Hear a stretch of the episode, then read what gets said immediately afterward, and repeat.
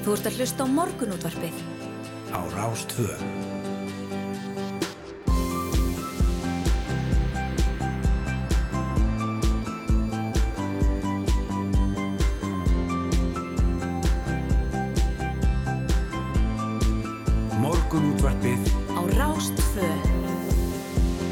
Já, við bjóðum góðan dag hér í morgunúttarpuna á Rás 2, Snæra Sindardóttir og Hulda Geirsdóttir hér í hljóðveru 2 í efstaleiti 1 og við ætlum að sitja hérna til hlugan 9 og færa ykkur eitt og annað skemmtilegt og fráðulegt. Jú, ég verð nú að segja það Snæra sem ég fannst uh, kallt úti. Ha, fannst þér það? Já, bara ótrúlega eitthvað mikill hróllur í mér í morgun en það er kannski batnar svona. Ok, fyndi það því ég ætlaði einmitt að segja það var svo bjart og fallt í morgun og ég var svo svegt út af sjálf mig fyrir að fara í svona svört fött og eitthvað af því ég held að það væri sko það væri, ekki, væri ekki jafn mikið vor og raunbyrju veitni að ég, þegar ég kom niður þá rann upp fyrir mér, ó nei, býtunum við ég þarf að mynda súrgleirugum, ég er alveg blinduð hérna Já, ég, jú, ég, ég segi ekki. Ég, mér var allavega kallt, kannski verið bara illa klætt. Ég, Já. ég þarf að, við, við skoðum nú við spána á eftir og, og fáum uh, betri upplýsingar frá fagfólki um uh, veðrið framöndan. En uh, það sem við ætlum að gera í dag er að, að, að að ræða allskins mál. Við ætlum meðal annars að halda áfram að ræða þessa stóru frétt frá bandaríkjónum í gær þar sem að dagurinn var spennu þrungin þegar að gögnum úr hæstarétti landsins var lekið og þar koma fram áform um að snúa við merkum dómi, þetta er bara svona dómur sem að flest allir þekkja. Já, ró gegn veit eða ró versus veit og uh, markaði tímamóti í réttindum hvenna til að fara í þungunarof þessi dómur fjall árið 1973 og þá eru gríðarlega hörð viðbröð við þessum uh, leka. Meðal annars uh, reyndi Joe Biden bandar ekki að sér að læja öldurnar með því að segja að aðeins værum drög að ræða og uh, margir uh, evróski liðtóður og mannréttindasamtök brúðust í afframt ókvæða við tíðindónum meðal annars Kvennréttindafélag Íslands og uh, við ætlum að fá þær til okkar Brynhildi Heiðar Ómarsdóttur sérfræðing hjá Kvennréttindafélaginu og Sigrunu Gísladóttur lögmann sem að lærði mitt lögfræði við Harvard skóla í Bandaríkjónum. emitt Þetta verður undir lokþáttar. Já, gaman að nefna það að Brynhildur, hún hefur líka verið búsið í bandarækjunum held í tíu ár Mm. hann lærði bókmyndafræði þar um, og, og bjóðar, þannig að þær, þær eru öllum hlutum kunnaðar þarna, þar er landi Mm -hmm. Uh, lögum afplánun samfélagsþjónustu í stað fangelsisvistar voru ringuð í heimsfaraldrinum og nú er svo komið að á bylunu 250 til 280 manns sinna samfélagsþjónustu hverju sinni hér á landi í stað þess að sitja af sér dóm í fangelsum landsins en þau rúma mun færra fólk. Okkur hér í morgunúttarpinu leikur hugur á að vita hvað fólki sé að gera í samfélagsþjónustunni, hvernig verkefni hefur gengið og hvernig allt saman fer fram og ætlum að ræða málum með Brynjur og Spjarnadóttur sérfræðing hjá fangelsismálastofnun. Já, svo er það leikskólamálin sem að virðast að margra mati vera stóra mál sveitastjórnarkostningana um all land. Margir eiga í erfileikum með að brúa bylið á milli leikskóla og fæðingarólós og BSRB hefur ráðist í viðamikla rannsókn og stöðu leikskólamála hér á landi. En samtökin hafa lengi gert á gröfu að ríki og sveitafélög grípi til aðgerða þannig að öllum börnum verið tryggt leikskólaplásað loknu fæðingarólofi og uh, þau segja að umununar bylið hafi neikvæð áhrif á jafnrétti kynjana og við ætlum að fá Sonju Þorbergsdóttur formann BSRB til okkar til að ræða helstu niðurstöður uh, þessara samantæktar. Emitt. Við höfum líka rætt uh, orkumálun mikið hér í þessum rætti og flestum sérfræðingum og forstjórum ríkistofnuna, svona sviði orkumála, hefur búið saman um að til að af orkuskiptum verði þurfa að virkja meira, búa til meiri ramorku með þeim hætti með vassapsvirkunum. Það kom því nokkuð óvart þegar Bjarni Bjarnason forstjóri orkuveitunar sagði á ársfundi fyrirtækisins að það væri ekki réttlætanlegt að virkja meira eins og sakir standa því of lítið vatna við einfallega verða að fá undanfærin ár. Hann fullir því að framt að ekki þurfa að virka meira til að knýja á um orkuskipti í bílarflötunum. Það eru skilabúð sem eru tölvört ólík því sem hinga til hafa heyrst og Bjarni verður gestur okkar svona 20 minnum fyrir átta. Já, svo ætlum við að kynna okkur mentasjóð maðurastyrsnefndar sem að fagnar 10 ára ammálum þessa mundir. Einmitt, mentasjóðu maðurastyrsnefndar uh, er 10 ára. Sjóðurinn veitir mentunarstyrki til tekjulára kvenna, oftar en ekki einstæra maðura. Sérstakir velunar sjóðsins eru tíu talsins og meðal þeirra má nefna frú Vítissi Finnbóttóttur og frú Elsu Rít tónlistakonir Bríett og Sigriði Torlæsís og svo framvegis. En nú stættu til að hefja söpnun fyrir verkefninu á svo kallum leini skilabóða kertum sem þar Anna Pétursdóttir, formaður maðuristisnemndar og Ásta Krismarsdóttir fyrir um styrk þegar ég úr sjónum ætla að segja ykkur betur frá auk þess að þar fræði okkur aðeins um sjóðinn og hverju hann hefur komið til leiða.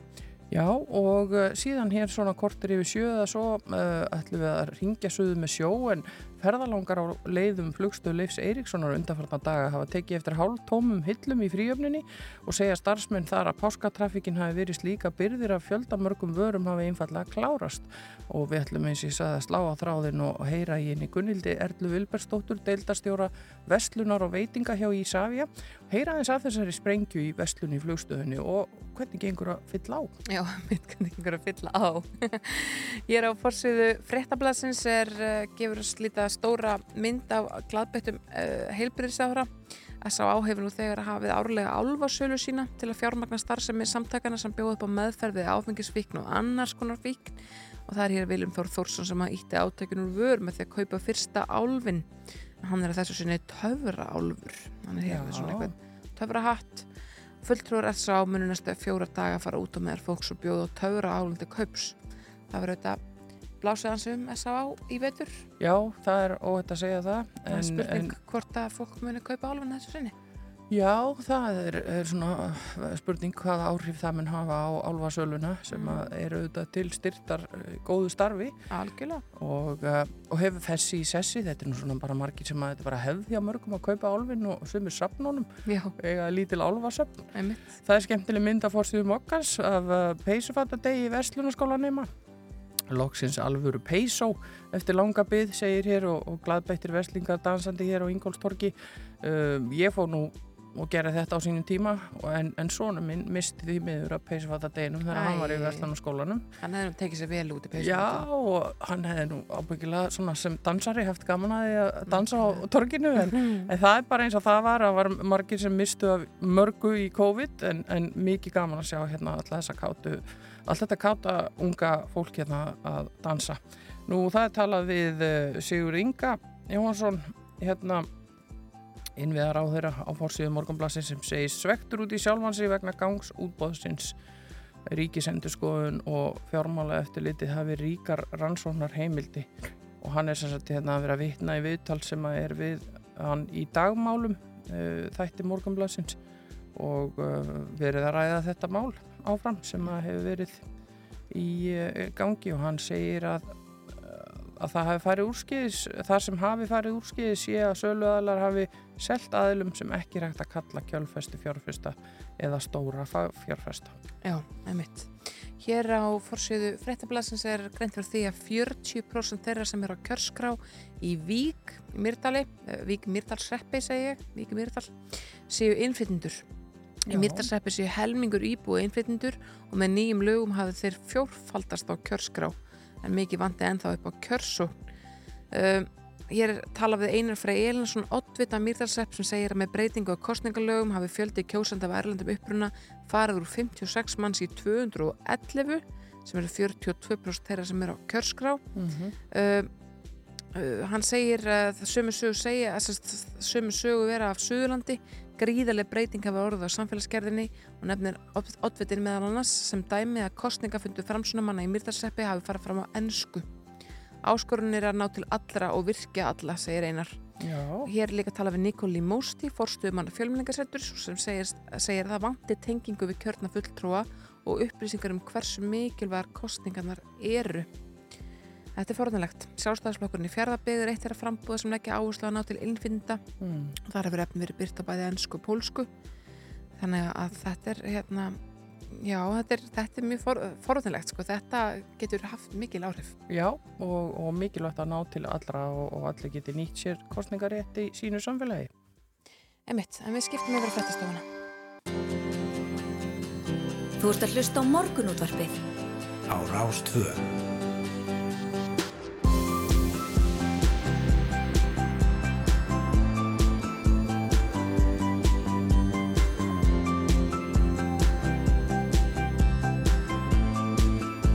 Rástföð. Morgunútvarpið á Rástfö Við bjóðum góðan dag, það er morgun útarpið sem heilsar hér á Rás 2, rásinni okkar allra og eh, saman ætlum við að fara inn í þennan fína miðvíkudag 4. mæ og við erum hér saman, Hulda og Snærós og uh, ég vil ekki að byrja á því að kíkja aðeins bara til viðus. Jú, er það ekki bara. Uh, það er nú stuttar, það eru stuttar hugleðingar viðfrængs viðstofu Íslands í dag. Það segir hér að þessi mingandi norrlag átt, tal til jél á norðanverðu landinu og skúrir suð austarlands en annars yfirleitt þurft. Hitti 0-8 stigi við daginn og mildast sunnan til en allvíða var nætur frost mér syns það aðalega að vera bækstur á hálendinu sko. ég ætla að segja, já við vorum ekki alveg sammálaðið náðan hvort það hefði verið kallt út í mörgum ég fannst það ógeðslega kallt, ég fannst bara geggjað vor. Kannski segir þetta bara eitthvað um okkur svona, og, og bara yfirbráð okkar snemma dags. Það er bara meira krump í mér greinilega heldur en þér sko. Já, ég var bara svo ánað ég held að þurfa að setja upp sólgeru og ég var alveg hæst ánað með þetta. En ímislegt uh, að daskara hjá okkur í dag. Við ætlum að ringja suðu með sjó hérna rétt á eftir að heyra vörurskor korti í fríhöfninni.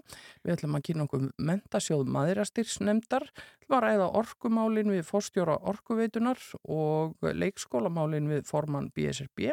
Síðan ætlum við að kynna okkur samfélagstjónustu í stað fangilsisvistar, fáum uh, sérfræðingja fangilsismálastofnum til að fara yfir það með okkur og í lokin uh, fáum við svo tó sérfræðinga líka til að ræða þessi stóru fréttamál frá bandaríkjónum varðandi þungunarrófið. Einmitt. Hér á vegagerðarinnar er svo sem ekkit, uh, það er ekki mikil tínd þar en það er hálka á Holtafurheiðu og í Bröttubrekku það er eitthvað um hálkubletti. Þeir eru ennþá að, að þvó bólungavíkagungin, ég fann að halda þess að gera það fara með svampi og Tampusta og þetta er bara að taka nokkar dag það er snjóþykja á Siglifjörðavegi og Krabi og Ólásfjörðamúla en eitthvað um hálku, hálkubletti annar staðar á Norðurlandi. Uh, og svo er þæfingsfærð á Hóvaskarði og Krabaða hálka með ströndinni á Norðausturlandi Þannig að þetta er bara svona, já, þetta er kannski ekkit skemmtileg tíðindi og meira ég að takta þína upplöðu þessum hótni eftir mína. Ég sá, fekk svona Facebook minningu í gær uh, að því okkur finnst, þetta kemur okkur alltaf mikið óvart eða það er eitthvað kallt á vorin. Þar var nú myndabilnum mínum á þessum tíma fyrir einhverjum, dögum fyrir enn fjórum árum á kafi í snjó. Þannig að þetta er nú ekki til fyrsta sinn sem að svona kemur svolítið mæ kuldi. Algjörlega. En það er líka tekið fram hérna fyrir þau sem að ætla að vera eitthvað á ferð í flóanum í dag að urriða fósvegur nummið 302 verður lokaður fyrir neðan eigilstaði í dag frá klukkan nýju vegna vinnu þannig að gott að finna sér aðra leið þar. En uh, við ætlum að fara í fyrsta lag dagsins sem er afskaplega hugulegt og hér syngja þér saman Június Meivand og Káká um skíaglópin.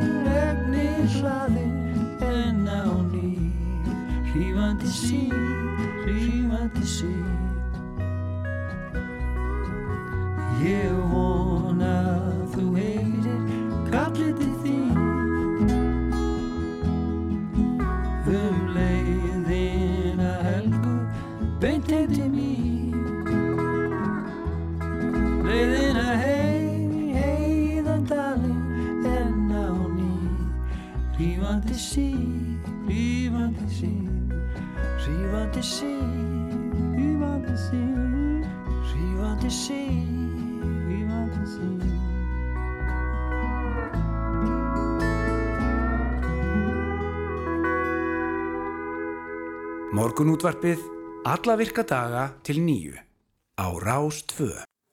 Jú, jú, þið þekkið þetta.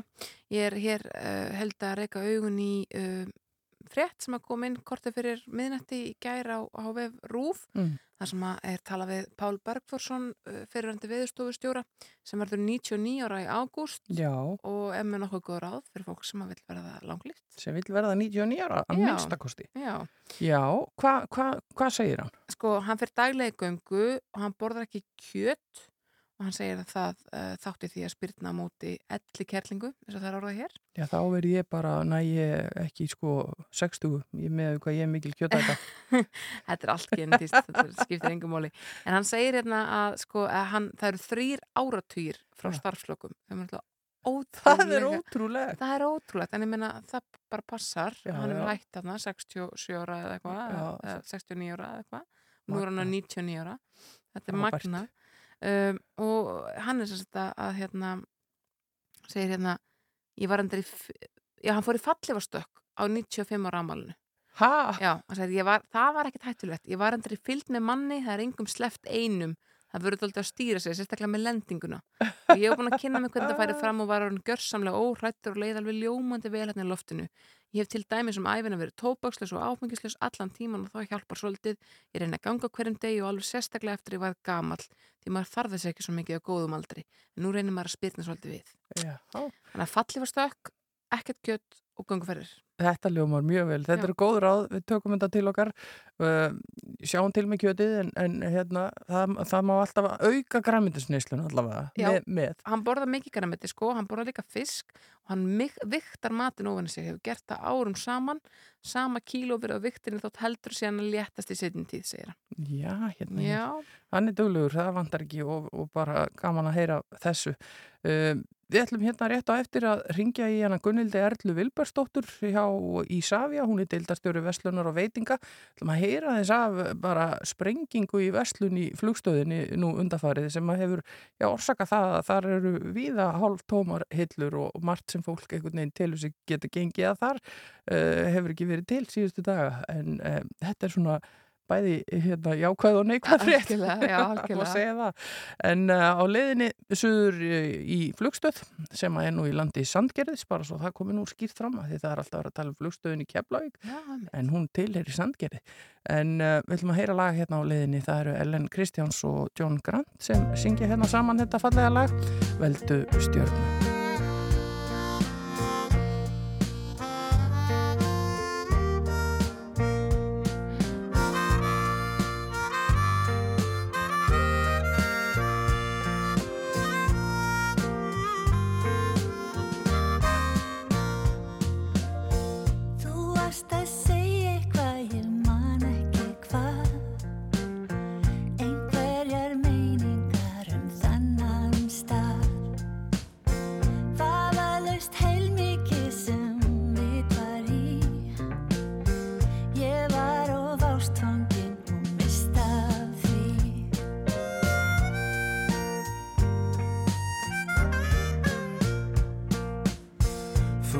Varst að segja mér frá sjálfri þér.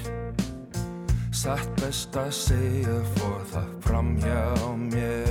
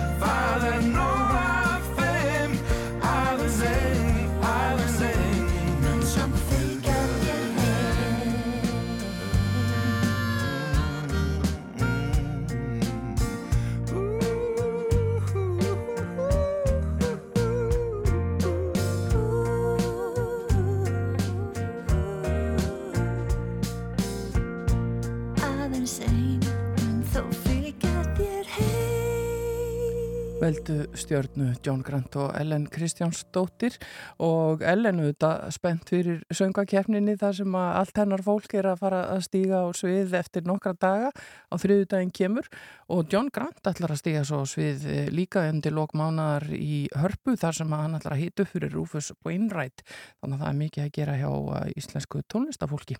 En við nefndum það að ferðalangar á leiðum flugstöð Leifs Eiríkssonar undanfatna daga hafa tekið eftir hálf tómum hillum í fríöfninni og starfsmenn þar segja að páskatrafikin hafi verið slík að byrðir af fjölda mörgum örum hafi einfallega klárast og við erum með á línunni söður með sjó, hana Gunnildi Erlu Vilbersdóttur, deildarstjóra Veslunar og veitinga hjá Ísafja. Góðan daginn Gunnildur. Góðan daginn. Eh, sko, hver er staðan? Er, er búið að ná að fylla á eða er allt galt tómt í flugstöðinu eftir páskana? Sko páskarnir yrði bara hérna algjör sprenging í flugstöðinni sem var bara virkilega skemmtilegt. Það var mjög mikið af Íslandingum að, fara í langráð fjölskyldufærarlög og, og líka er þetta ferðamenn að koma. Mm Uh, ég meina við hérna yfirfylltum nú alveg bílastæðin hjá okkur þau seldust bara upp og þannig að þetta endur spekla eftir mörgum stöðum. Við vitum að bílaleigurnar sem eru hjá okkur þær voru með allan flotan til núti Mm. og hérna aprilmánuður endaði í rauninni alveg 50.000 eh, með 50.000 fleiri farþugum heldur en við höfum gett ráð fyrir. Það er bara mjög gleðilegt þannig að þetta hérna þetta var þetta bara miklu fleira fólk en svo erum við líka ennþá aðeins að gæta svona COVID áhrif að þegar það kemur að því að fá vörur. Já. Að menn eru þetta mikið bara að trekka ennþá upp framleysluna sínar erlendis. Það er lengri afhendingatími en þetta svona spilast aðeins saman. Já, og, og þetta er svona, við getum eiginlega að kalla þetta lúksusvandamála þegar ekki. Við erum bara ótrúlega ána með þetta og við erum rosalega bjart fyrir sumarið að, hérna, og erum svona að reikna með því að við vorum búin að gera ráð fyrir að þetta er kannski svona rúm miljón erlendra ferðamanna sem að kemur hinga í ár en við erum svona núna farin að horfa í þetta síðan svona nær 1,4 Já, sem er bara virkilega gleðilegt. emmitt.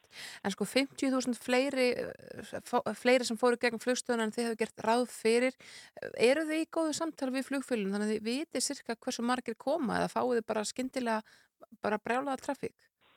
Við erum í mjög góðum samskipti við flugflögin en hérna og alveg erum að uppfæra okkar spár mjög reglulega. Ég held að síðan í oktober séum við búin að uppfæra þetta alveg allavega eins og tveisvar og erum bara að endur skoða aftur núna einmitt spána fyrir árið þar sem eftir er. En það kemur ekki svona alveg óvart en þú þarfst auðvitað aðeins fyrirvara að fá hérna svona fleira. Það tekur alltaf einhverju tíma líka að manna og, og ráðin fleira fólk. Þetta er auðvitað eins flóknar umhverju líka í flugstöðinni. Já, ég tók einmitt eftir því á Kastrupflúðli, ég var þar að ferð, að þar eh, voru gríðalega langar raðir í, í öryggisleitina og, og búið að setja upp skildi það sem kom bara fram okkur, okkur gengur bara hægt að manna aftur eftir COVID. Eru þið að finna fyrir þessu eitthvað í flugstöðinni hér líka? Við erum í okkur, að það lítur út frá við sem allan í miklu betri stöðu heldur en erum margir fljóður í kringum okkur. Já. Og sérstaklega núna sem hjá okkur hjá í Savia er búið að ganga rosalega vel núna undarfæri að ráða fyrir sumari. En þetta er, þetta kemur bara núna inn svona jaft og fjett Já. en uh, innritun og örgisleit og gekk í það heila bara rosalega vel um páskana. Þetta kom alltaf einhverju tímar, einhverju klukkutímar eða einhverju dagar sem er hans erfiðari en í það heila gekk þetta bara rosalega vel og, og fólk er að koma snemma. Er, og það hjálpa líka til. Já. og við sjáum bara að fólk er orðið svo spennt og spenn, stemningin bara í flugstöðinu núna er svo skemmtileg. Maður eiginlega bara getur fundi bara orkuna og tillökunina sem er uppfrá, þetta er alveg ótrúlega gaman. Já, mar margir kannski að fara út í fyrsta skipti eftir COVID bara. það er svolítið þannig. Já. og það er svona hérna í, svona í samtilum líka við fólk inni þá var þetta alveg ábyrrandi hvað var bara mikið stemning og mikið gleði og tillökun Já. og líka fannst mér svolítið sniðut að það er hérna, eins og fólk sé pínu þess að æfa sér aftur að ferða það var rosalega mikið að gleymast Já. það var hérna fólk var mikið í því að gleyma vegabröðinu, gleyma símanum og hérna starfsfólki í verslunum og veitingastöðum eru hlaupandi með þetta út í flugvilar bara Já, rétt já. fyrir brotver þannig að það er hérna það endur speglast á alveg alls konar vegagreinlega Já. En eh, það er ímislegt svona eh, spennandi framundan hjá okkur, er það ekki? Jú, það er allt spennandi bara núna á árinu. Það er allir að byggja upp e, frambúðið sitt bara núna og margir þetta líka bara að, að koma með nýtt og við sjáum mikið á veitikastöðunum, það er verið að koma með nýja rétti. E, það er hérna, mjög flottur matrislimaður sem heitir Sigur Helgason sem er búin að vera að hérna, endur nýja matselana bæði á Nord og Mathúsinu. Það eru að koma inn ný svona smörrubröð og avokadotóst og, og fleiri spennandi réttir. Uh, og hérna, svo er Halla undirbúa líka opnun. Hún hefur ekkert opnað eftir COVID, þannig að hún er að fara að opna aftur hann út í sögubyggingunni sem er að nefna að lappar aðeins lengra heldur en landamærasalinn. Já, veitingastæðurinn hjá Höllu. Og já, með alveg geggja pítsur og æðislega grauta og samlokur og svona alveg frábæst næstu til að taka með sér. Svo er pennin að fara að opna nýju búðina sína núna bara á næstu vikum og hérna, en svo erum við líka að undirbúa það að taka inn allavegna tvo nýja svona pop-up-bæðila sem við getum þá bóðið upp á í sumar sem svona aðeins nýjungar og það er annars vegar Maikai sem er þetta með alveg æðislega svona skálar og hins vegar er það hérna Jens, skarkudalarsugin Já, sem ætla að koma allavega svona tímabundið inn. Já. Þannig svo að, hérna það, að, það það, er verið að undirbúa það allt saman þannig að það er að kaupa trúlófurarhingin á leiðin út til Parísar Já, fæ- væri það ekki fallegt það væri ekki og skyndi ákvörðu þar. Já, Já, en það er gott að heyra að það er líf og fjör í flugstöðinni og alltaf færast eh, aftur í, í sitt eðlilega horf. Eh, Gunnildur Erla Vilbersdóttir, deildastjóri Veslunar og veitinga hjá Ísafja. Takk fyrir að vera á línunni hjá okkur aðeins svona snemma dags. Við ætlum að sleppa þér, ég veit þú hefur nóg að gera en við, það verður gaman að fylgjast með þróun í, í, í þessum málum og vonandi allt, allt komið á fullt swing eins og sagt er. Takk fyrir spjallið. takk fyrir leiðist Já og við ætlum að heyra hérna í honum uh, Halla Reynis heitnum sem syngur hér um vináttuna. Þetta lag var í söngvakefninni 2013. Svo er það frétta eftir lit. Kerðum þangað sem myrkrið var Laugðumst nýður, horðum á stjörnurnar Það var eins og tíminn stæði kér Þögnin hljóð sem aldrei fyrr. Við kerðum út á gróttu þar sem vitin er. Heyrðum í briminu leika sér. Töluðum um drauma, ást og streið Og Vináttu okkar alla tíð. Á meðan eldurinn lofur Á okkar slóð Þá skulum við syngja Fyrir líf í þeirri glóð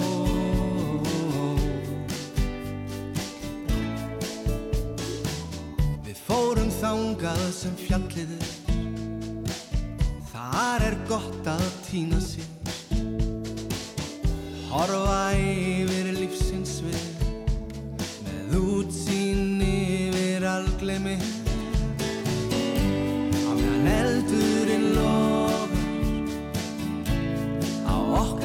slóð Þá skulum við syngja Fyrir líf í þeirri glóð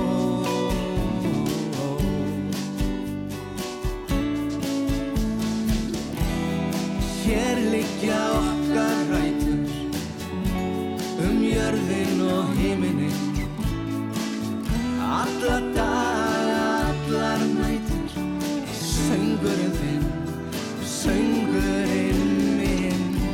Á meðan eldurinn lofar Á okkar slóð. Þá skulum við syngja fyrir lífi þeirri glóð. Á meðan eldurinn lofar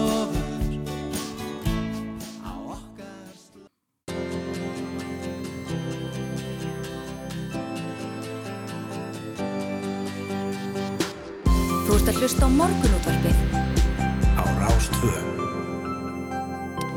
Jú, við heldum áfram hér í morgunútvarpinu. Við ætlum að fjalla næstum mentasjóð maðurastyrksnefndar sem að fagnar um þessar myndi tíu ára ámali en sjóðurinn veitir mentunarstyrki til tekjur ára kvenna sem að oftar en ekki eru einstæðar mæður. Það eru komðaringa til okkar Anna Pétursdóttir, formaður maðurastyrksnefndar og Ásta Krismasdóttir fyrir styrk þegi úr sjóðunum og það er alltaf að segja eitthvað betur frá já, þessu verkefni og söpnun sem að fyrir núna í hönd. Þetta er velkomnar. Takk. Ef við sko byrjum á þér, Anna, hvað kom til að þið stopnum þennan mentasjóð fyrir áratug? Sko þannig er mál með veist að við vorum alveg urðum vara við það að, konum vantaði mjög mikið hjálp og þarna voru mjög efnilega konur en hafðu bara ekki efnaði að fara í nám. Þannig að aðalhefur Fransdóttir hjá hérna, Maristis nefnd, framkvæmdastjóri, hún uh, kom með þessa hugmynd að stopna mentunarsjóð fyrir konur og hérna hún fekk mig á samt tveimur öðrum konum til þess að hérna fara í, í stjórn og þar með var komin mentunarsjóður og fimm, fyrsta árið þá komu, sóttu 15 kron- konur um Mm. en í fyrra voru það 73 ár og Já. núna er það 65, nei 67 Mm. þannig að þetta hefur bara vaksið og dafnað. Já, en hvað gerir uh, þessi sjóður? Hvernig virkar þetta? Ef að ég væri í þessari stöðu og, og myndi vilja sækja um í sjóðin, uh, hvað þarf að gera og, og hvað styrkir sjóðurinn nákvæmlega? Sko, uh, þú þarft að sína skattframtal, sína fram á það að þú sért tekil á og síðan hérna styrkjum við um skóla, með skólagjöldum, borgum skólagjöldin að hámarki 100.000 reyndar. Mhm. en til dæmis að þú ert í HÍ sem fle, það eru flestar sem hafa verið þar þá farðu öll skólagjöldin náttúrulega greitt Mhm. og síðan erum við með bókastyrki. Það er 50.000 krónur per önn. Mm. þannig að það, það kemur sér vel. En ef við færum að styrkja eitthvað mánaðlega þá er það að borga skatt af því þannig að það borga sig ekki sko. En fyrir þig Ásta sem að hefur fengið þennan styrk, sko hvað þýðingu hafði það? Var það breyttið öllu? Eða hvernig, hvernig var þetta fyrir þig? Já, uh, á þessum tíma þegar ég sótt um þennan styrk þá var ég, bjóð ég á áfangaheimilinu í Dingjunni og, og hérna uh, var búin að vera í Hringsjá sem er starfsendurhæfingaskóli uh, og gekk þar mjög vel. Og uh, í einhvers konar leit hjá mér að þá sem sagt, kemst ég að því að mentunum sem maður er styrstandi að vera að styrkja konu til náms og ég sótt um. Og fekk samþygt og hérna gæti haldið áfram í námi mitt og fór í mentarskólan í Kópái á skrifstöðubraut og í framhald af því í endurmentun áskólans í viðkynda bókara. Mm. og þetta er bara búið að breyta öllu í mínu lífi sko. Já, þarna er bara tilgangnum algjörlega náð. Það Algjörlega. er þetta sem þið eruð að, að horfa í. Það er svona að, að steyðja við uh, og opna þennan möguleika fyrir konur að, að fara í, í nám. Og, og, og út úr þessu hefur síðan þá væntalega opnast betri starfsmöguleikar. Já, algjörlega sko. Já. Ég er, er öryggi en, en er, er að vinna hjá skrifstöfurum EHF uh, sem bókari í 50% starfi Mm.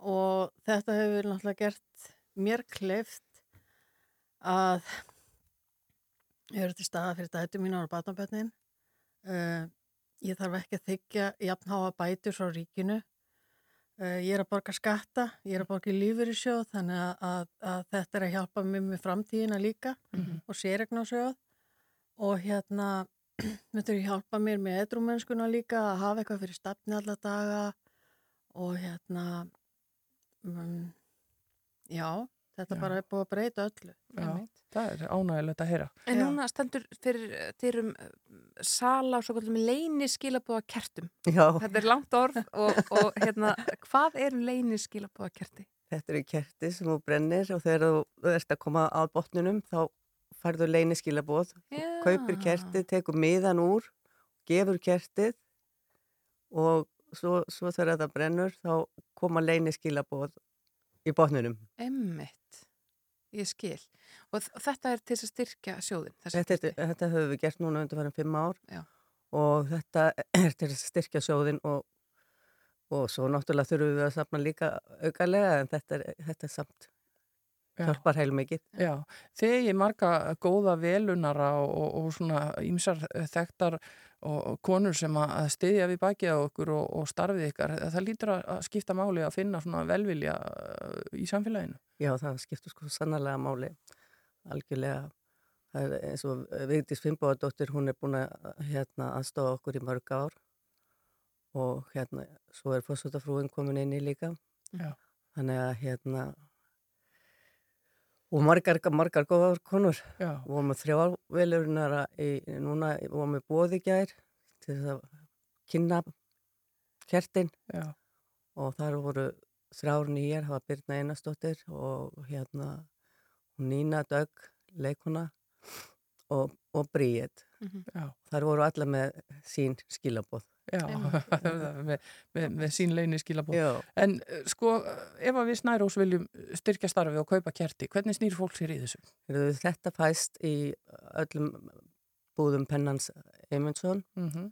snúrunni, svo er þetta pantað þetta í heimkaup og svo uh, uh, hérna, ég er að gleyma ykkur sko. Já, þetta er allavega er svona allavega í, í víða. bóði víða. Já, það er náttúrulega epal líka. Já. Þeir hafa í öllum búðum hjá þeim. Já. Besta mál. Anna Pétursdóttir, formaður Maðurstæðsnefndar og Ásta Krismarsdóttir fyrir um styrk þegi úr mentarsjóði Maðurstæðsnefndar. Takk kærlega fyrir komuna. Já, og Takk gangi ykkur, hafa okkur. gangi ykkur vel með þetta allt saman. Takk fyrir. Öldur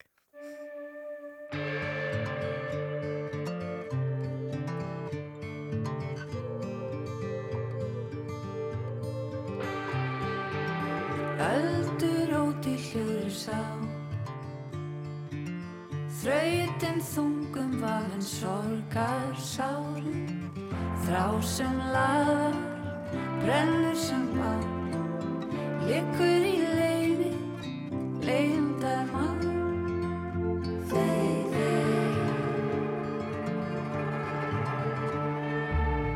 Ljósar skiptum fær að sjá. Fegurð í frelsir sem þokast nær Þó nætur hún mig skelli á. Og sögð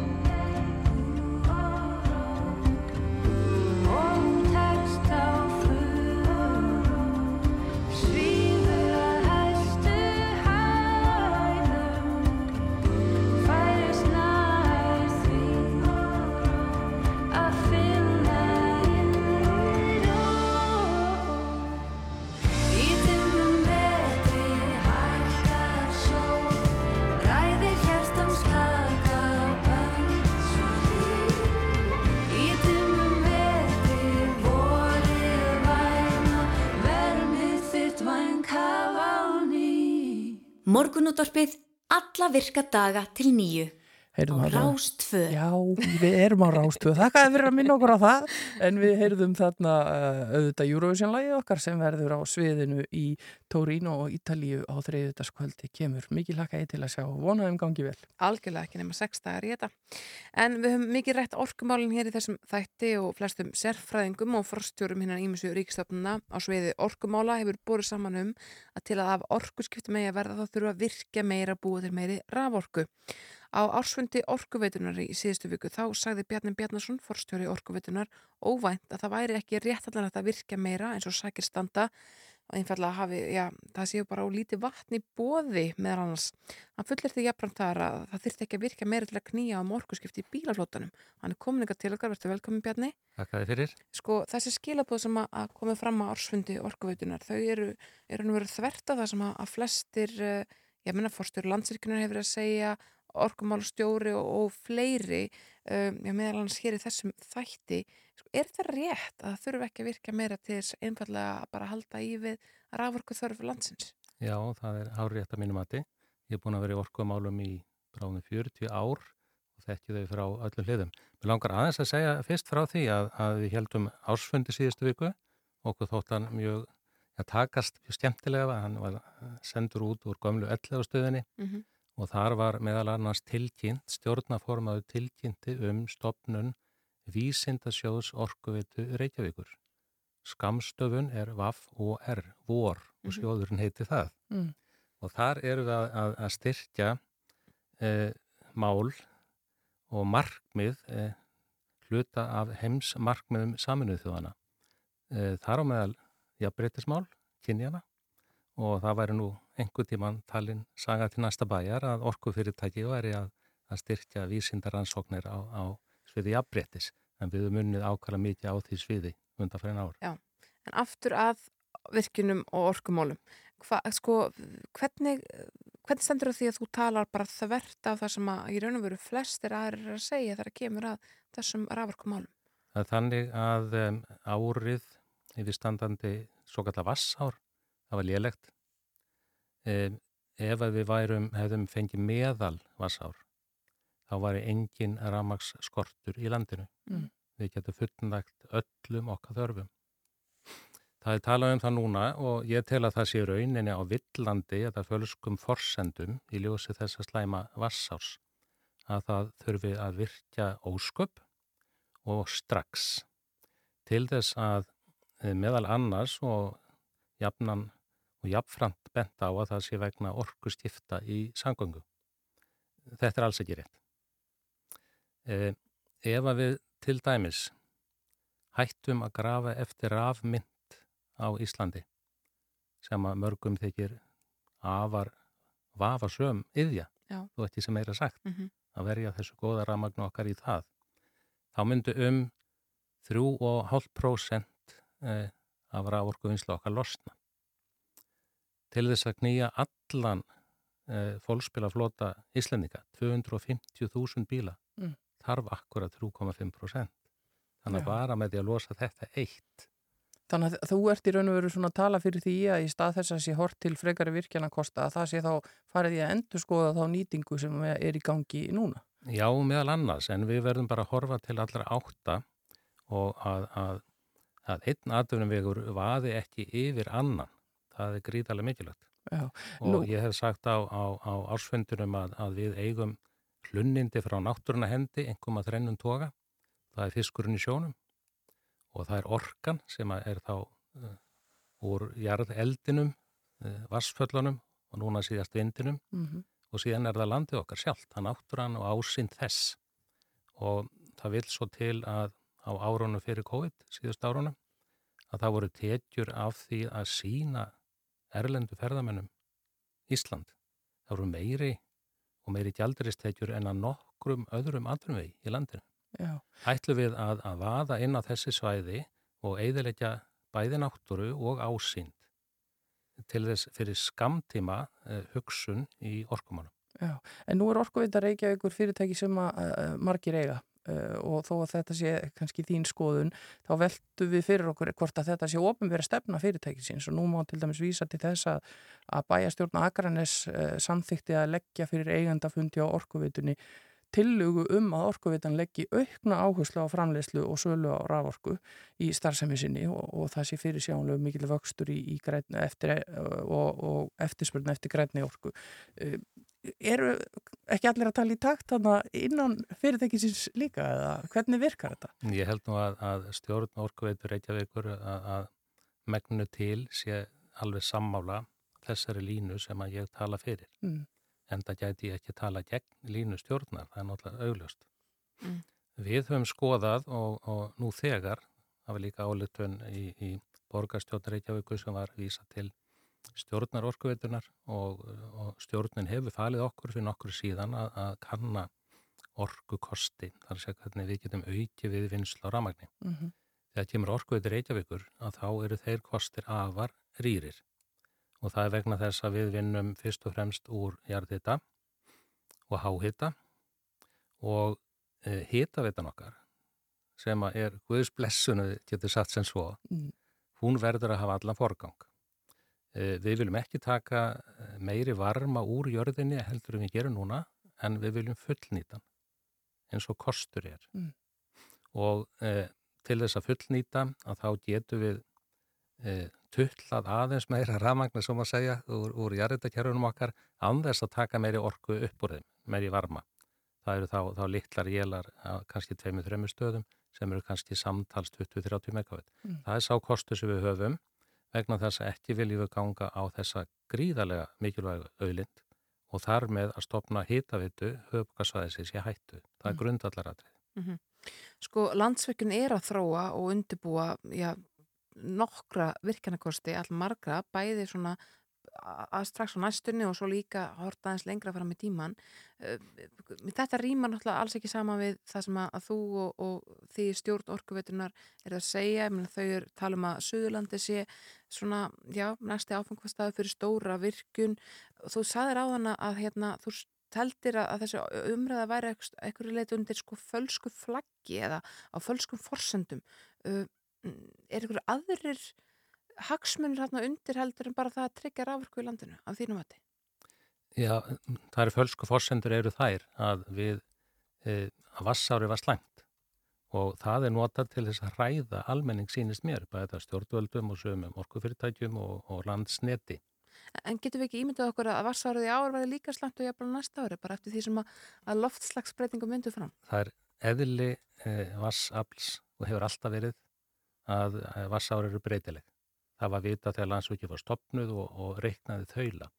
Þess vegna eru allir stóriðu samlingar emmitt með stjærðalegt ramagn og við seljum 80% af öllu okkar ramagni í stóriðu. Mm. Þannig að það er mikið sveirum þar til þess að stjærða emmitt við þessar aðstæður. Mm. En ert að kalla eftir þá bara einhvers konar hugafarsbreytingu uh, hjá þjóðinni, hjá stjórnvöldum uh, nýri forgánsröðun í orkumálum? Já, ég myndi gera það eindreið og mér þykir að var sárt að, að, að sjá það að, að þetta tækifæri e, sé nota til þess að ræða almenning á yfirbúandi ramagskorti sem ekki fótu fyrir. Mm. Sko, af hverju telur að það sé fyrir að ræða almenning? Hver eru er, er hagsmuninu sem ég, ég held að, ég held að hvaðin, sko, það er, það er eðli orku fyrirtækja og tilgangur að virkja. Um, stjórnvöld vilja líka uh, uh, virkja meira til þess að, að auka atvinnusköpun en ég segi þá það má ekki vera á kostnað annar atvinnuða. Mm. Það er mjög mikilvægt. Mm. Það er bara aðli landsvirkunar að eiga virka því það er þannig fyrirtæki og það er bara lítið að gera skurstóni hjá mér, það er það sem það segja. Land, landsvirkun, e, e, ef við tölum hana sérstaklega, ég, þetta sjálfsögðu vil ég ekki fjalla mína uh, okkar keppi nauta, hvert fyrir sig, en, en bara almennt að þá er, þá er þau fyrirtæki sem að engöngu lifa á því að virkja, að þau vilja meira. Það er bara þannig að, að virkja meira. En getur Við... þetta aldrei farið saman? Er þetta alltaf annað hvort náttúruvend eða virkjanir? Er aldrei hægt að finna eitthvað milliveg? Ég er einmitt að tala fyrir þessu milliveg, nákvæmlega, að við, við sögum ekki greinina sem við setjum á í einum atvinnuvegi e, eða högvum undan okkur gullfóldin í ferðarmennsku sem að segja. Mm, þegar við seljum ásýnd landsins og náttúru. Mm -hmm. Áttu vona því Bjarni að, að þessi, ef þú munir tala fyrir tala fyrir þessum breytingum eða þessari hugafarsbreytingu víðar núna, er þetta lína sem er að fara að koma frá orkuveitur ekki ykkur auknu mæli sko gegn þessum mikla þrýstingi sem að er á að það verði virkja meira því, því að það er óumdelinlega þrýstingur, það er óumdelinlega verið að tala í eina átt á stjórnundum ímins annara fyrirtækja og, og hérna og hjarnil ríkistofnuna. Já, þetta er, þessi málflutningu minn er ekki nýr. Ég hef, hef, hef talað svona til margra ára mm. og ef þið googlið það sem ég hef skrifað og sagt undanfærin ára þá sjáu þið það, það er ekkert nýtt í þessu mm -hmm. frá minni hálfu og frá hálfu orkuður reykjavíkur. Mm. En hefur þú séð eitthvað árangur að þessum málflutningi í þínum eða þú er búin að tala fyrir þessu lengi? E, já, sko umræða í opnu samfélagi e, hún þarf að eiga marga rattir og mörg sjónamið og þau verða öll að koma stað. Núna þykir mér að, að, að ákveðin stefna e, rýði húsum ofum ekkið og eins og ég segi það er nánast verið að hræða almenning með yfirvofandi ramaskorti. Ég er ekki að tala um orkuskort almennt, það er ramaskortur. Mm. Bjarni Bjarnason, forstjóri Orkuveitur Reykjavíkur, takk kærlega fyrir komina. Takk svo með leiðis. Já, það er fréttur hér á slæginu klukkan 8. Við ætlum að fá postmalón til að leiða okkur þangað í læginu Only Wanna Be With You.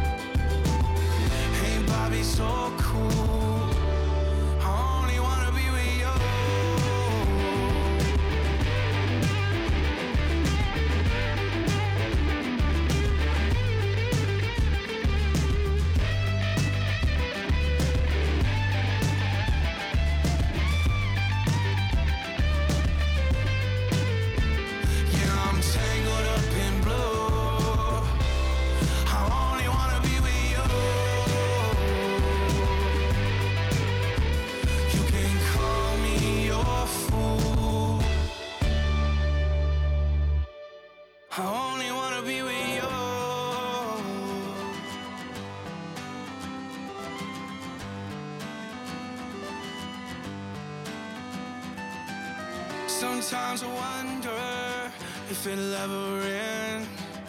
You get so mad at me when I go out with my Þú ert að hlusta á morgunútvarpið. Á Rástvö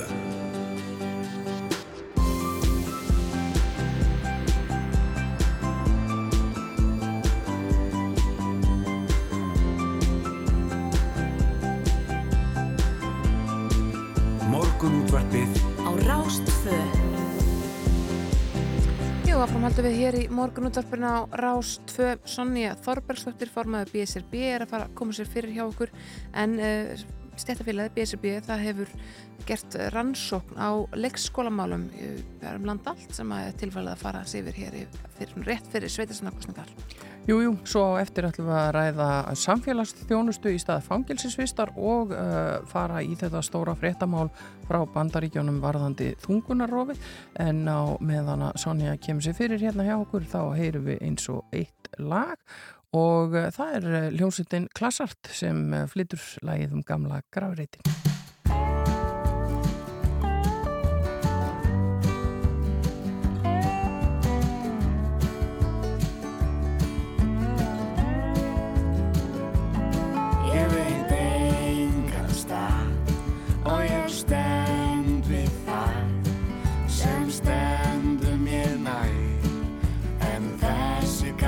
Bær en hann getur kæft og hann getur svæft gamli graviturinn það er bærin minn.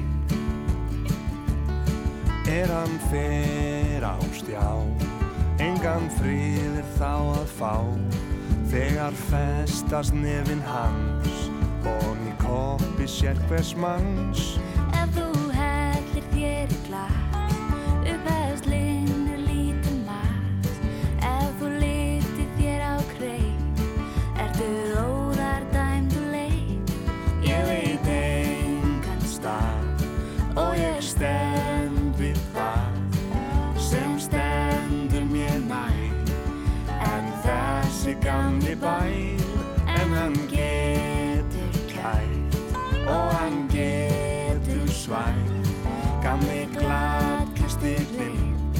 það er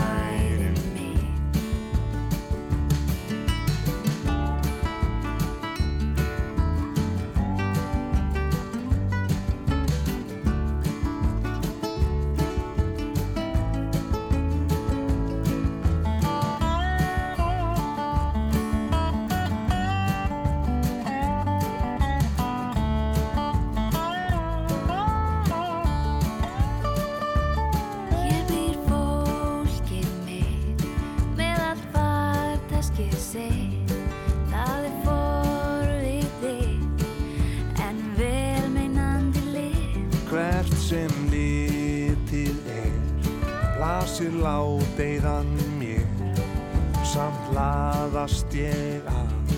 Þessum guð svo laðast að. Ég veit engan stað og ég stend við það sem stendur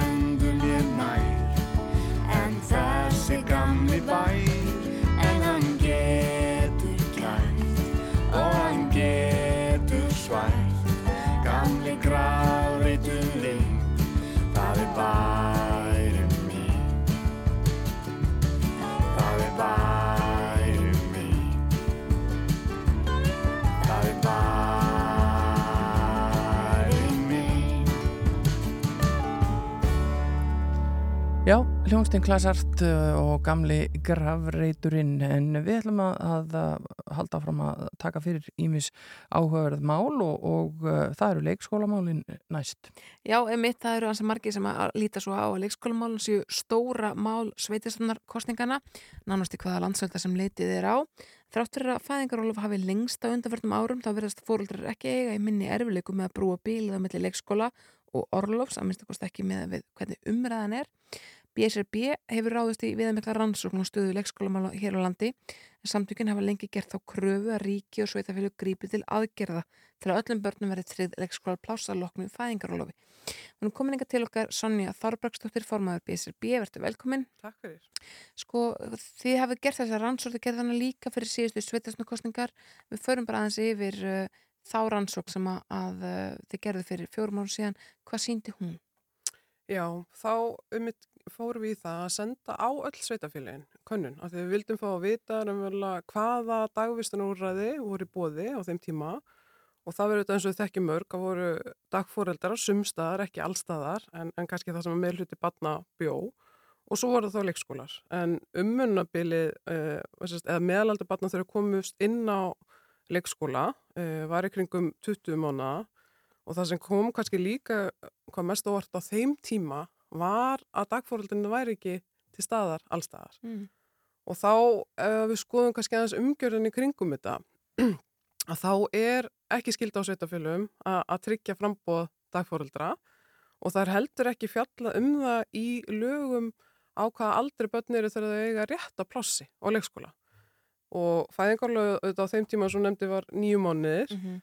þannig að þetta er svona talsvert langt bil að brúa fyrir foreldra og þá sáum við að bara mjög mismynd eftir sveitafélagunum sem þá voru 74 að þau voru að taka inn börn allt voru aldrei nýjum mánu og síðan upp í tveggjara og svo vitum við eins og er að það er misjant eftir hvernig tvættur árinu hvort þú setja orðin sko rúmlega tveggjara og margir þekkja það einn rauna að sé jafnvel tveggja og háls. Best að vera fættur í, í september og verst í janúar eða eitthvað slúðis. Já, alveg, algjörlega. Og um þetta þegar við fórum í mikla herrferð á sínum tíma vorum að taka viðtöl við hérna foreldra og þá mitt kom þetta fram að þetta var bara eitthvað sem að verðandi foreldrar höfðu huga sko. Mm. Hvenar hérna væri best að tíma setja þetta upp og að tryggja dagvistun svo þau getur komist aftur til starfa. Það er ímslega að setja það á huga að. Já.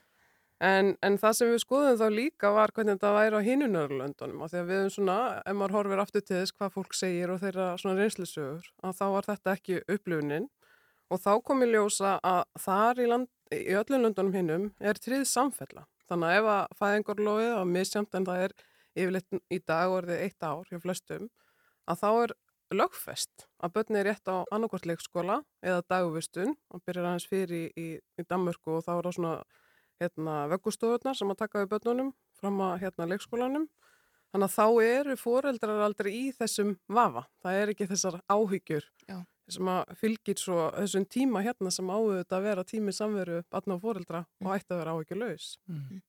En uh, nú er þið búin að gera aðra svona rannsókn og hva, sko hver er munur? Hva, hefur eitthvað breyst á þessu kjörtjumbili? Það hortir til bara, já, landsins alls. Já, við, við ætlum að kynna niðurstöðunar á, á morgun í, í, hérna, svona í þaula, mm -hmm. en það, það, það dilst engum að það er enþá umvunabil fyrir hendi, en kannski góðu fréttnar eru þær að í, í kjölfar fyrir skýslunar og þá sáum við að það hefur orðið aukning á þeim sveitafélum sem er að setja sér viðmið, að setja sér sjálf reglur um það, hvernig börni komast inn mm -hmm. og þau eru svona að reyna að fylgja þeim En, en það eru þetta óásættanlegt að þetta bíl sé ennþá fyrir hendi. Það búið að ræða þetta svo lengi og í mann eftir við vorum aðalega vinnumarkaðins og stjórnvöldi í starfsópum framtíðaskipan fæðingarlósmála árið 2016 og þá var gefin út skýsla sem var með þessa raunverulega framtíð að sína að fæðingarlóf ætti að vera 12 mánir og eins og við vitum það tók gildi í fyrra sem er auðvitað stórt skref en umræðan í öll þessi ár hefur alltaf verið þannig að sveitafélagin síðan umverulega verði í stakkbúin til að stakka við börnum þá strax að loknu fæðingarlói frá 12 mánu aldri mm. og, og það er svona miðan við eins og stuðuna í dag að það var það svo sannarlega ekki komið. Nei. Þannig að það er það sem vildu kannski líka leggja áherslu á núna í, í aðrandasveitarstjórnarkostninga er að þetta er svo mikilvægt hagsmunamál fyrir fóreldra og þau eru mörg á kostningaaldri þannig að við vonumstu þetta til þess að frambóðin svona lítið til þess og þess að við finnum líka því að eins og við þekkjum. Þetta er svona Uh, hvað maður segja, stórfjölskeitnan kemur umverulega að þessari ummunum, þannig að það er ekki síður ömmur og afar sem er að fylgjast með þessu og að velta fyrir sig svona lífsgæðum og, og svona hvaða stuðningur er í bóði fyrir fjölskeitnar mm. Sko, það hefur auðvitað sérst, eins og þú ert að nefna þá hefur fæðingarólfi lengst þannig að það má segja að ríksvaldið hafi svolítið svona stíð inn í til þess að reyna að minka þetta bil, en með við niðurstöður ykkar, hafa sveitafélagin sko, tekið skreft að því bili eða er eina, eini munurinn á milli þessar tvekja kannana eða rannsókna sá að ríkisvaldi lengdi, í fæðingarlófunu? Nei, það hefur auðvitað verið tekið mörg skrefi í, í rétta átt. En, en það sem er kannski líka áhyggjafni er að núna er 1769 og það er mjög mismunandi á hvað aldrei börn eru þegar þau komast inn. Einmitt. og þá veltum við þetta líka fyrir okkur að því að hérna eru þetta velferðarstefna og, og það sem að fylgir því og hinn Norðurlöndin öll eru að horfa til er að þú veitir aukinn stuðning að því að þú vilt stuðla aukinni fæðingatíðni og við veitum að hún hefur verið að lækka í öllum löndunum en sömu leiðis að, að auka jafnbretti og að gera fóröldunum kleift að taka þátt á vinnumarkaði og þetta er þessi, hvað maður segja, þetta er svona mest í áhrif á tíminn.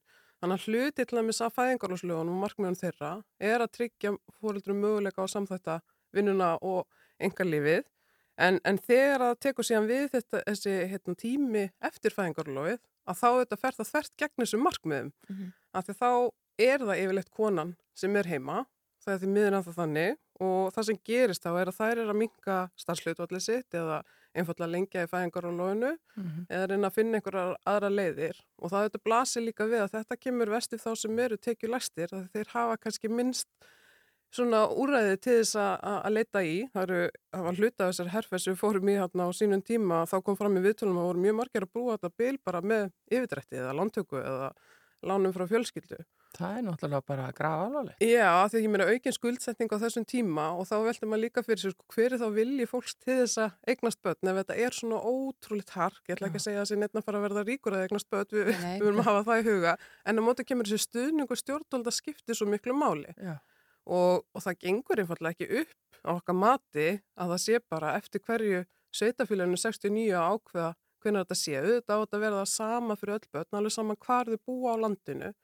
69 ákveða hvernig þetta sé, auðvitað á þetta verða það sama fyrir öll börn, alveg saman hvar þau búa á landinu. Þannig að okkar krafa hefur verið að sé lögfest, mm. alveg eins og hinn í Norrlöndunum, hvernig börn komast að og það sé þá þetta í kjölfar þessa hefbundna fæðingarlóð sem eru tólmánir. Mm -hmm. Sjáu þið eitthvað, bara svona, svo ég sletti eitthvað trend í því hvers slags sveit, sveitafélög það eru sem að koma börnunum fyrr að eru það minni sveitafélögin, er það starri sveitafélögin, hvað er svona minnstrið? Já, má almennt segja að, að það sé auðveldara í sveitafélögum sem eru færri börn Já. Og, og raunverulega það sem reynir á að komi fjölda leikskóla þá verist þetta að vera brattari brekka En svo þetta kemur líka fyrir að, að svona eins og við sjáum stundum eru hérna svona stórir árgangar sem koma og þá er þetta áskonum fyrir öll sveitafjölu mm. en svo líka þegar það bara ekst hlutvall batna að þá hefur þetta reynst áskorun. Mm.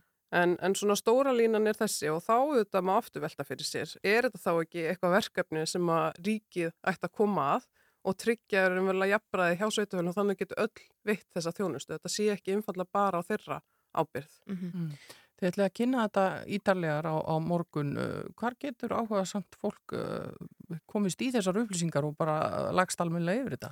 Já, við verðum með hérna útsendingu eða svona rafrannan fund e, þar sem má nálgast bara á heimasíðun okkar bsb.is og, og við vonumstu þetta til þess að þetta skapi umræðu e, inn í, í sveitastöðnarkostningar af því þetta er ekki bara risastort jafnbryttismál, þetta er líka risastort kjaramál og, og sumulegis vinnumarkasmál. Já.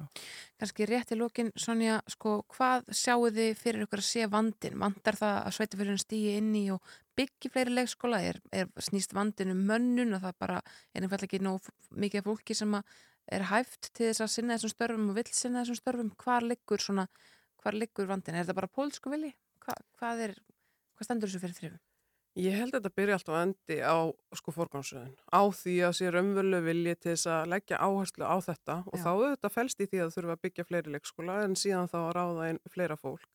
En aðalatrið er og stundum eh, er ekki annað hægt en að velta fyrir sér eh, að því að þetta bytnar raunvölu að vera á konum, þetta bytnar að vera á maðurum að þeir eru lengur heima og, og bytnar á þeirra tekjum, uh, raunverulega æfitekjum, að því maður sér svona minnstri líka að þeirra konur er að draga úr vinnu að það hefur áhrif síðan alveg út í, í lífeyririnn, hvort þetta sé eitt af þessu kvenlega sem er bara látið lúta læra að haldi. Þetta, svona að þetta er eitt af þessu mjúkum málum.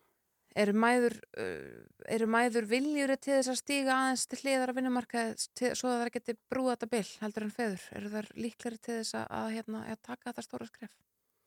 Já, sko, það sem að svona sérfræðingar í jafnbryttismálum hafa bent á að þegar stjórnvöld eru raunverulega að grípa til aðgerða til þess að stuðla jafnbrytti sem er hlæms eins og gegnum fæðingarlof og leikskóla og annað, að þá er þau samt að sumu leiti til að festa í sessi þetta hefðmynda ummunna hlutur hvenna sem hefur verið í sögulegu ljósi.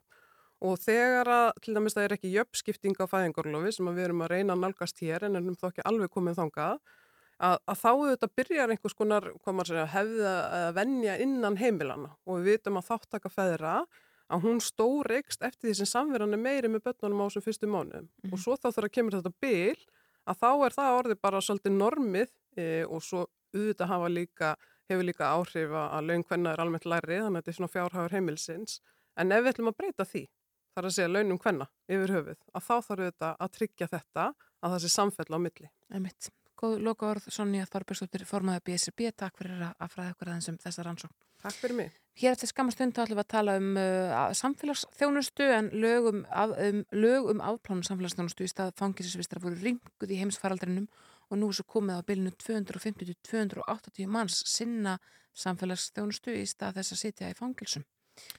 Já, við vorum fórhundar að vita meira um þetta og, og ætlum að fá til okkar hann að Brynjur Rós Bjarnadóttur sérfræðing hjá fangelsismálastofnun hér eftir augnablík og uh, síðan ætlum við líka að fjalla um þessi stóru tíðindi frá bandaríkjónum í gær varðandi þungunarofið. En uh, við ætlum að fá eins og eitt lag uh, á leið okkar að frétta yfirliti sem verður hér á slæginu klukkan hálf. Þetta er hljómsveit sem að naut mikill að vinsald á sínum tíma en hefur nú lítið heyrst í lengi hljóði heitir 10,000 Maniacs og lægið What's the Matter Here?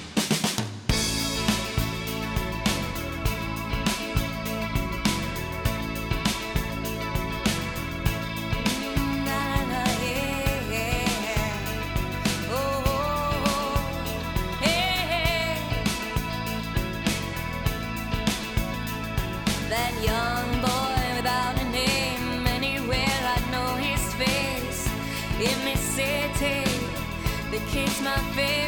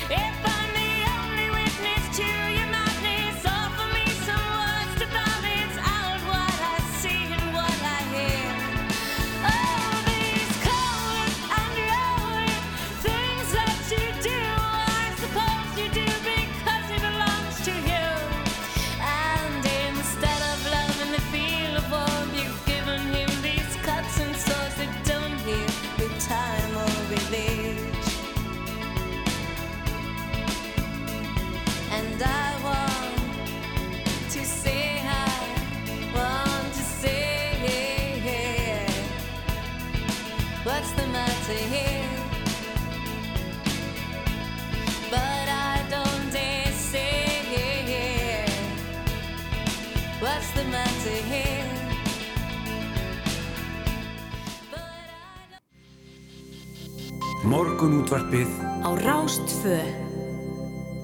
Áfram höldum við í morgun útarpinu og næst ætlum við að ræða aðeins um samfélagsþjónustu en lög um afplánun samfélagsþjónustu í stað fangilsisvistar voru rýmkuð í heimsfaraldrinum og nú er svo komið á bylinu 250 til 280 manns sinna samfélagsþjónustu hverju sinni hér á landi í stað þess að setja sér dóm í fangilsum landsin sem að rúma mun færri og við vorum forveitnar að kynna okkur þetta aðeins betur, hvað er fólk að gera í þessari samfélagsþjónustu og hvernig hefur þetta gengið, hvernig fer þetta bara allt fram og fengum til okkar Brynju Rós Bjarnadóttur sem er bæði sérfræðingur hjá fangilsismálastofnun og hefur verið að já, vinna að rannsókn í tengslum við þetta efni. Velkomin. Takk fyrir.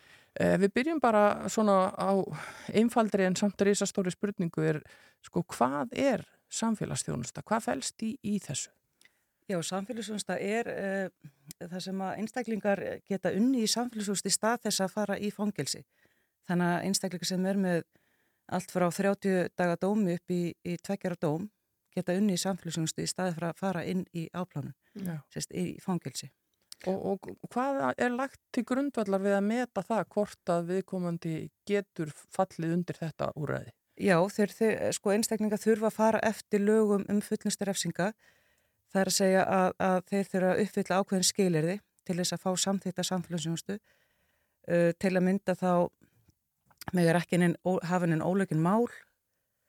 Uh, þeir þurfa að vera hæfir og, og geta synd þessu þannig að þetta er bara metið í hvers skiptis mm. sem að umsorgnin kemur inn til okkar. Sko þegar maður hugsaður um samfélagsþjónustu þá sér maður oft fyrir sér hérna fólk í bandareikinum í fangabúninga, tína rusl eitthvað neginn Akkurat, akkurat Þetta er ekki þannig vinna sem er verið að sinna það Nei, langt í frá, langt í frá. Þetta, þeir eru ímyndst uh, að vinna uh, svona sjálfbáðlega störf Já. til dæmis hjá Rauðagrósinum uh, í fataflokkuninu þar og, og svo eru hjá Samhjálp til dæmis og ímyndst íþróttafélög uh, sambíli, uh, þau eru að vinna svona ímið störf bæði hjá sveitafélögum, ríkinu og bara hverskins uh, bara, já, sjálfbáðvinni sem um, til er. Já. En sko, hvernig deilist þetta niður tímalega séð, ef að segjum að séum tveggja ára uh, dómaræða, uh, þýðir það að viðkomandi er þá í fullu starfi í tvö ár við þetta eða hvernig deilist þetta? Sko, við reynum að miða við það að hérna, að sé ekki meira en 40 tímar á viku sem að einstaklega geta unnið. Mm. Þannig að uh, það er samkvæmt lögum lámark tveir mánuði sem þú þarfst að skila vinnunni, þannig að ef þú ert með 30 daga dóm að þá vinnur þau 40 tíma og þá ert að vinna fjóra tíma á viku í tíu vikur, mm. það er sérst í tvo mánu mm. Og hérna en ef þú til dæmis ert með tveggjara dóm þá þarf það að vinna 960 klukkustundur og þú hefur tökað að vinna það á 6 mánuðum ef þú getur það mm. en annars máttu vinna það á lengri tíma og sömur þurfa 2-3 ár -hmm. og það er bara allt í lagi. En hvernig er fylst með því að já, þetta byrja árangur, fólk betrist við þetta og, og mæti og sinni þessu, hvernig er, það, hvernig er eftirlitið áttað? Sko eftirlitið þannig að það er bæði hjá okkur og síðan e, erum við með öryggismiðstöðuna sem að sérum eftirlitið svona um helgar og, og kvöldin, já. þannig að það er svona farið á vinnistæði og, og hérna og tekið svona stikkbröðu, annars erum við rosalega góði sambandi við þessa staði. Þannig að, að þá náttúrulega eru umsjónamenn á hverju vinnustað sem að, að hafa auga með okkar fólki mm. þannig að, já En hefur það einhver áhrif á það hvort að fólk kemst, þú talar um að fólk þurfa að vera hæft hefur það áhrif á það hvort að fólk kemst inn í þetta úrræði hverslags brot eru þar að baki? Já, það eru minniháttabrót sem að, að við erum að miða við mm -hmm.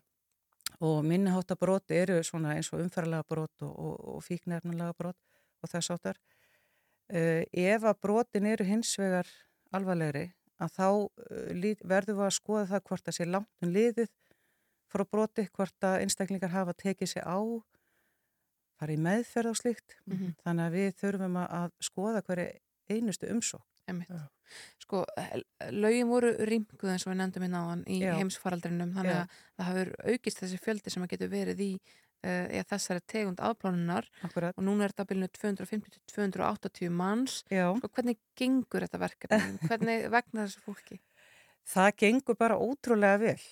Þetta er náttúrulega rosalega mikið utanumhald, það er ekki nóg bara að segja við mann þú ert að mæta hérna í vinnu og, og, og, og hverjan svo. Nei.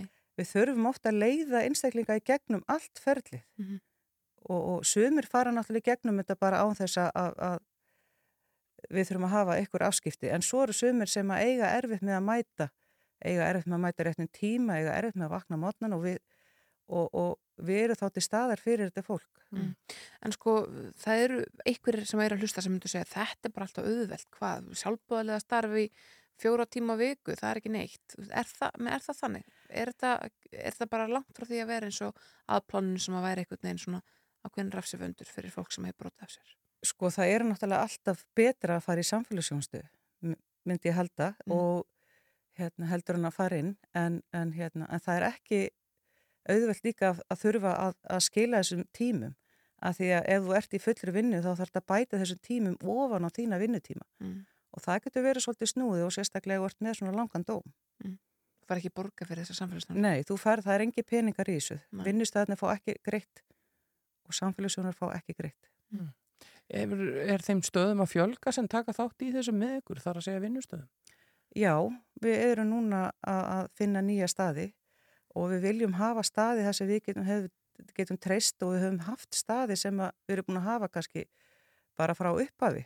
Þetta byrjaði þetta úrraði 1995 Einmitt. og þá voru það einhvers þeir sem voru með þryggja mána óskælismyndu dóm sem gáttu að fara í gegnum þetta. En það er líka þeir sem eru með sektir. Það kallast vararefsing fjersekta. Þeir geta farið í samfélagsjónstu ef þeir uppbylla Já, skilirði. Mm. Þannig að það er ekki bara óskælismyndu dómar. Einmitt. Forráttnilegt, Brynjar Ás Bjarnadóttir sérfræðingur hjá Fangilsismálastofnun. Takk kærlega fyrir komin í morgunúttarpið. Takk sem leiðis.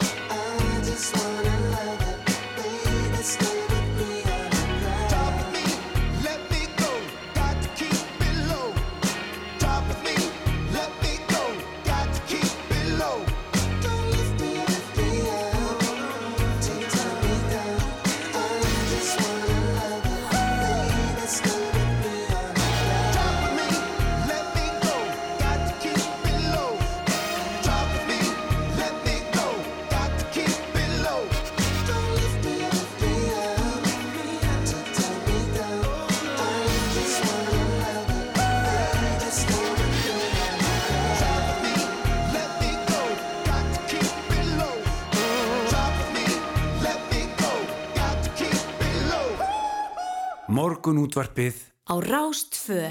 Já, þetta var uh, Lenny. Það verður alltaf að afkynna Lenny Kravitz því að hann er svo flottur og Ertu- lægið heitir Ló. Ertu að follow hann á Instagram? Hóst, hóst. Allavega. Yfir í aðra sálma. Gerdagurum var spennið þrungin í bandarækjunum í ger þegar, já, gerdagurinn í ger. Þegar að gögnum voru hæstarætti landsins var lekið þar sem framkomu áformum að snúa við merkum dómi Ró gegn Veit sem markaði tímamúti réttundum kvenna til að fara í þungunarof þegar hann fjallar 1973. Það er ótt að segja að viðbröðið þessum leika hafi verið gríðilega hörð. Joe Biden bandarækjafórstu reyndi að læja öldurna með því að segja að hans var um drögar niðurstöðu að ræða og hann myndi standa með kvenreitnindum. Evróskir leðtór og mannreitindarsamtök bröðust jáframt ókvæða við tíundunum og þar á meðal kvenreitindafélag Íslands sem að álugtaði gegn mögulegri niðurstöðu hæstarættar bandarækjana. Það eru kominninga til okkar Brynildur Heiðar og Ómarsdóttir sérfræðingur hjá kvenreitindafélaginu og Sigrun Gísildóttir lögmaður sem að lærði lögfræði í Harvardsskóla í bandarækjunum. Verðið velkomnar. Takk. Byrjum bara aðeins á hliðinni, uh.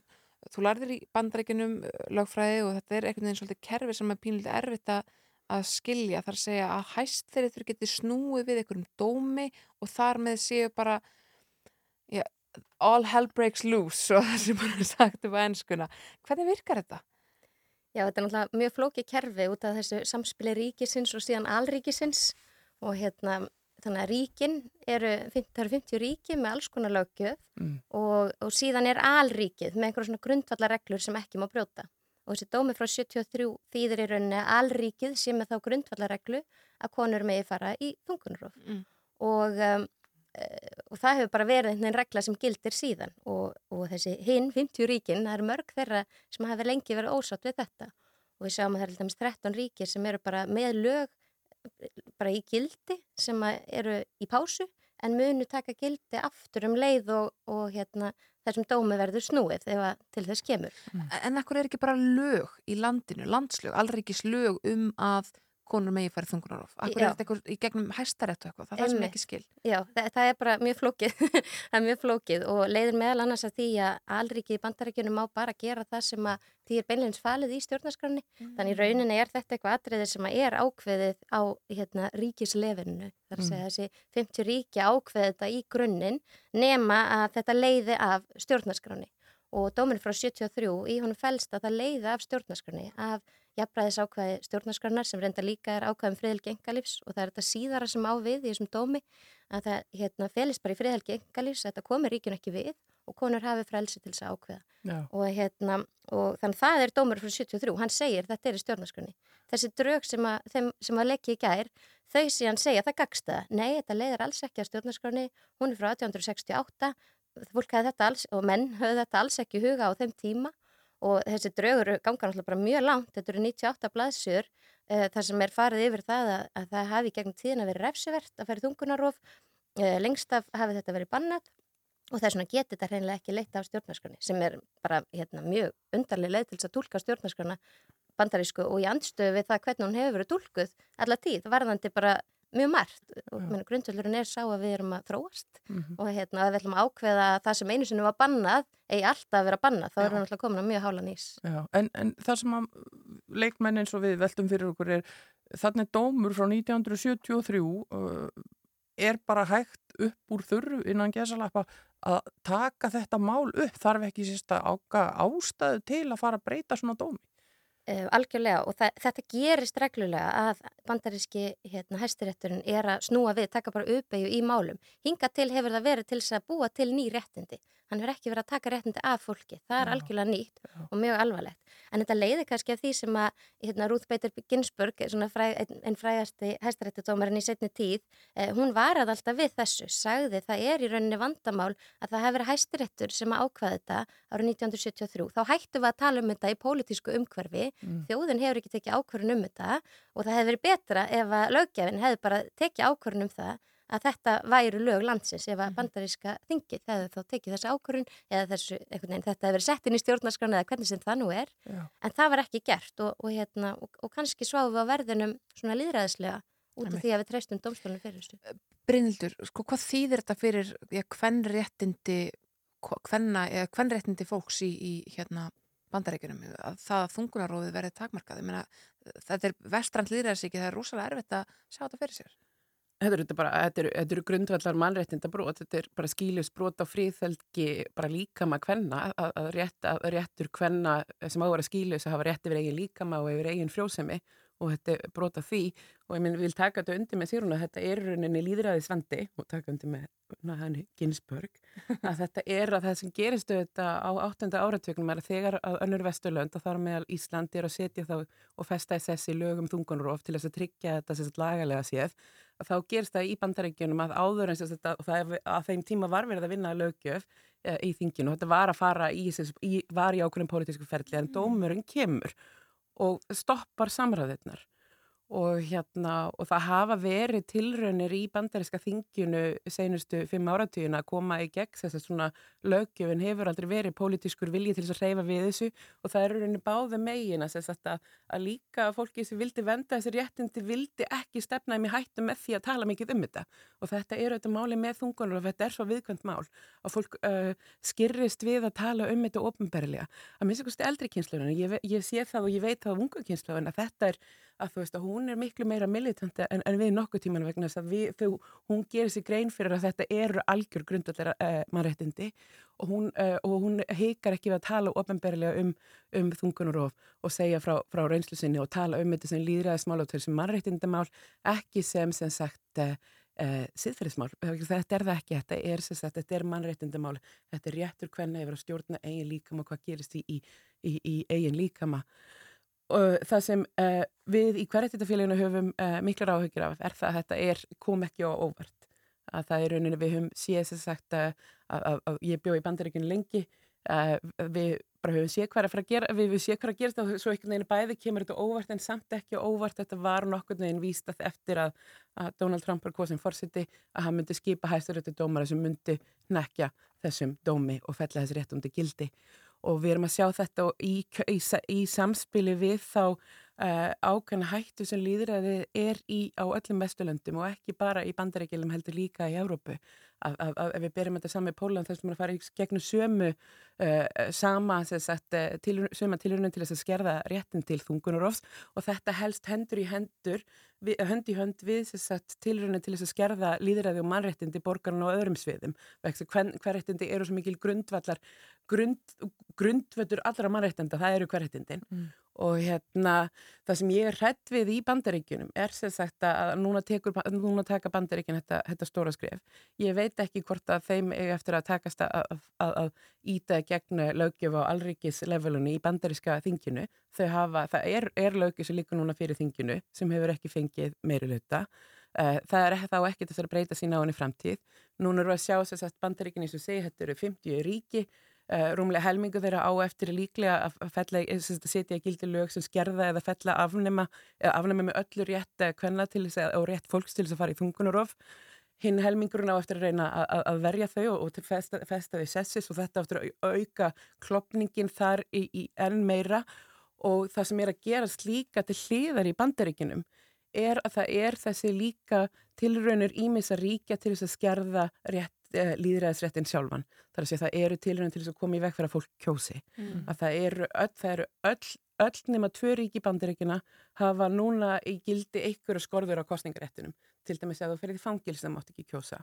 Ef þú ferið í fangilsi og, og, og kemur út og ert á, á pról mm. eða reynslilaust þú mátt ekki kjósa og ef þú fremur eitthvað nákvæðin glæp uh, þá máttu bara aldrei kjósa kostningaréttunum farin sem eru þetta algjörlega vilt og galið yeah. og, þetta, og þessa tilröndinu eru þess að aukast núna sem gerir það enþá erfið að nekja úr uh, nekja eða snúa þessu við aftur mm -hmm. og í, þegar við lítum á alþjóðlegu feminísku baratunum og alþjóðlegu baratunum fyrir hverjættundum að þá er þetta auðvitað Eh, skelvilegt vegna þess að þegar við lítum á síðustu 150 árin í, eh, í sögu uh, baráttunar fyrir hverjættindum og, fyrir, og bara fyrir jæfnbreytti kynjana að þá eru band, leika bandaríkinn svo mikið líki hlutverk að þegar við lítum á þess að bylgjur feminismans að það er þegar bandaríkinn þessi risastóra heimsálfa þegar hún tekur við sér og þegar konur þar og fólk fyrir að berjast fyrir hverjættindum mm -hmm. þá fara hlutin þar að gerast á vestulöndum og það, þú veist að, að, að þetta skulle gerast í þessu stóra líraðisríki er bara er, er, er varn, er okkur vítið til varnar mm. Sko segir hún, þegar þú varst að nema út í Harvard voru, var þungunarófa þessu lögjöf til umræðu þar og, og hvað fannst þið svona hva, hvernig fannstu fyrir svona að landi lægi í þeim efnum? Hvað hva finnst fólki sem að var til að- nema með þér í skólanum? sko, hérna, bæði, bæði sá háskóli og, og hérna Boston og Massachusetts til dæmis er bara svæði þar sem er allt önnur umræði í gangi heldur en uh, í þessum ríkjum sem að er fyrir síðan muni breyta lögjöfsinni Já. farið svo að það leiði ekki lengur á stjórnarskránni að þungunarof sé venda. Þannig að Frjálslindara umræða. miklu frjálslindari umræða og, hérna, og það er algjör minnuluti sem er á þeirri skoðuna að hérna, þetta ekki vera sjálfsög grundvallaréttindi.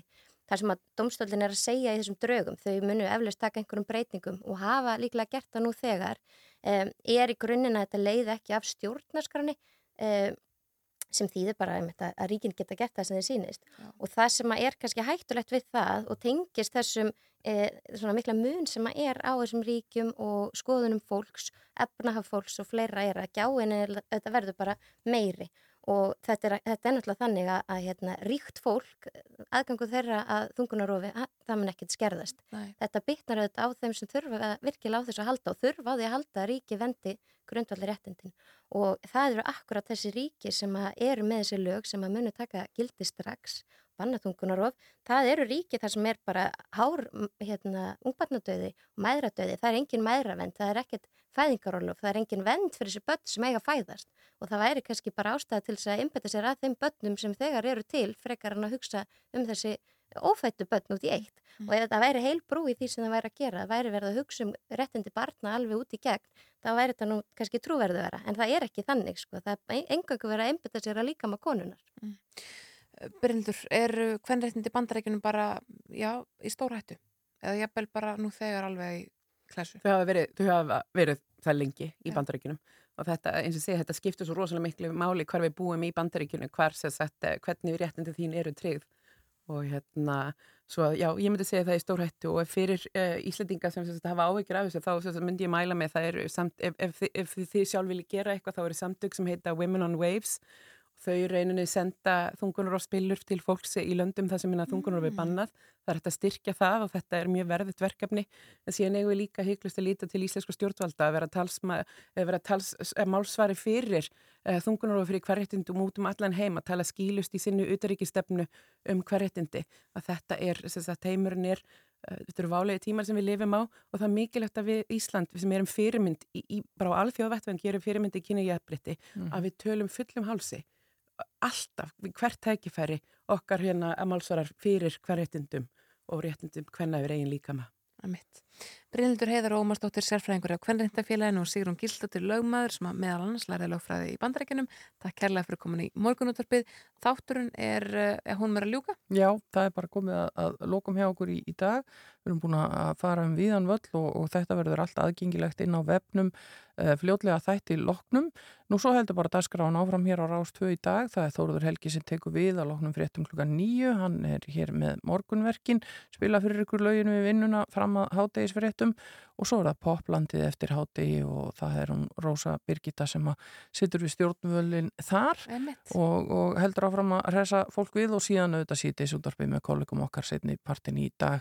Þannig að það er allt eins og það á að vera hér á rásinni okkar allra.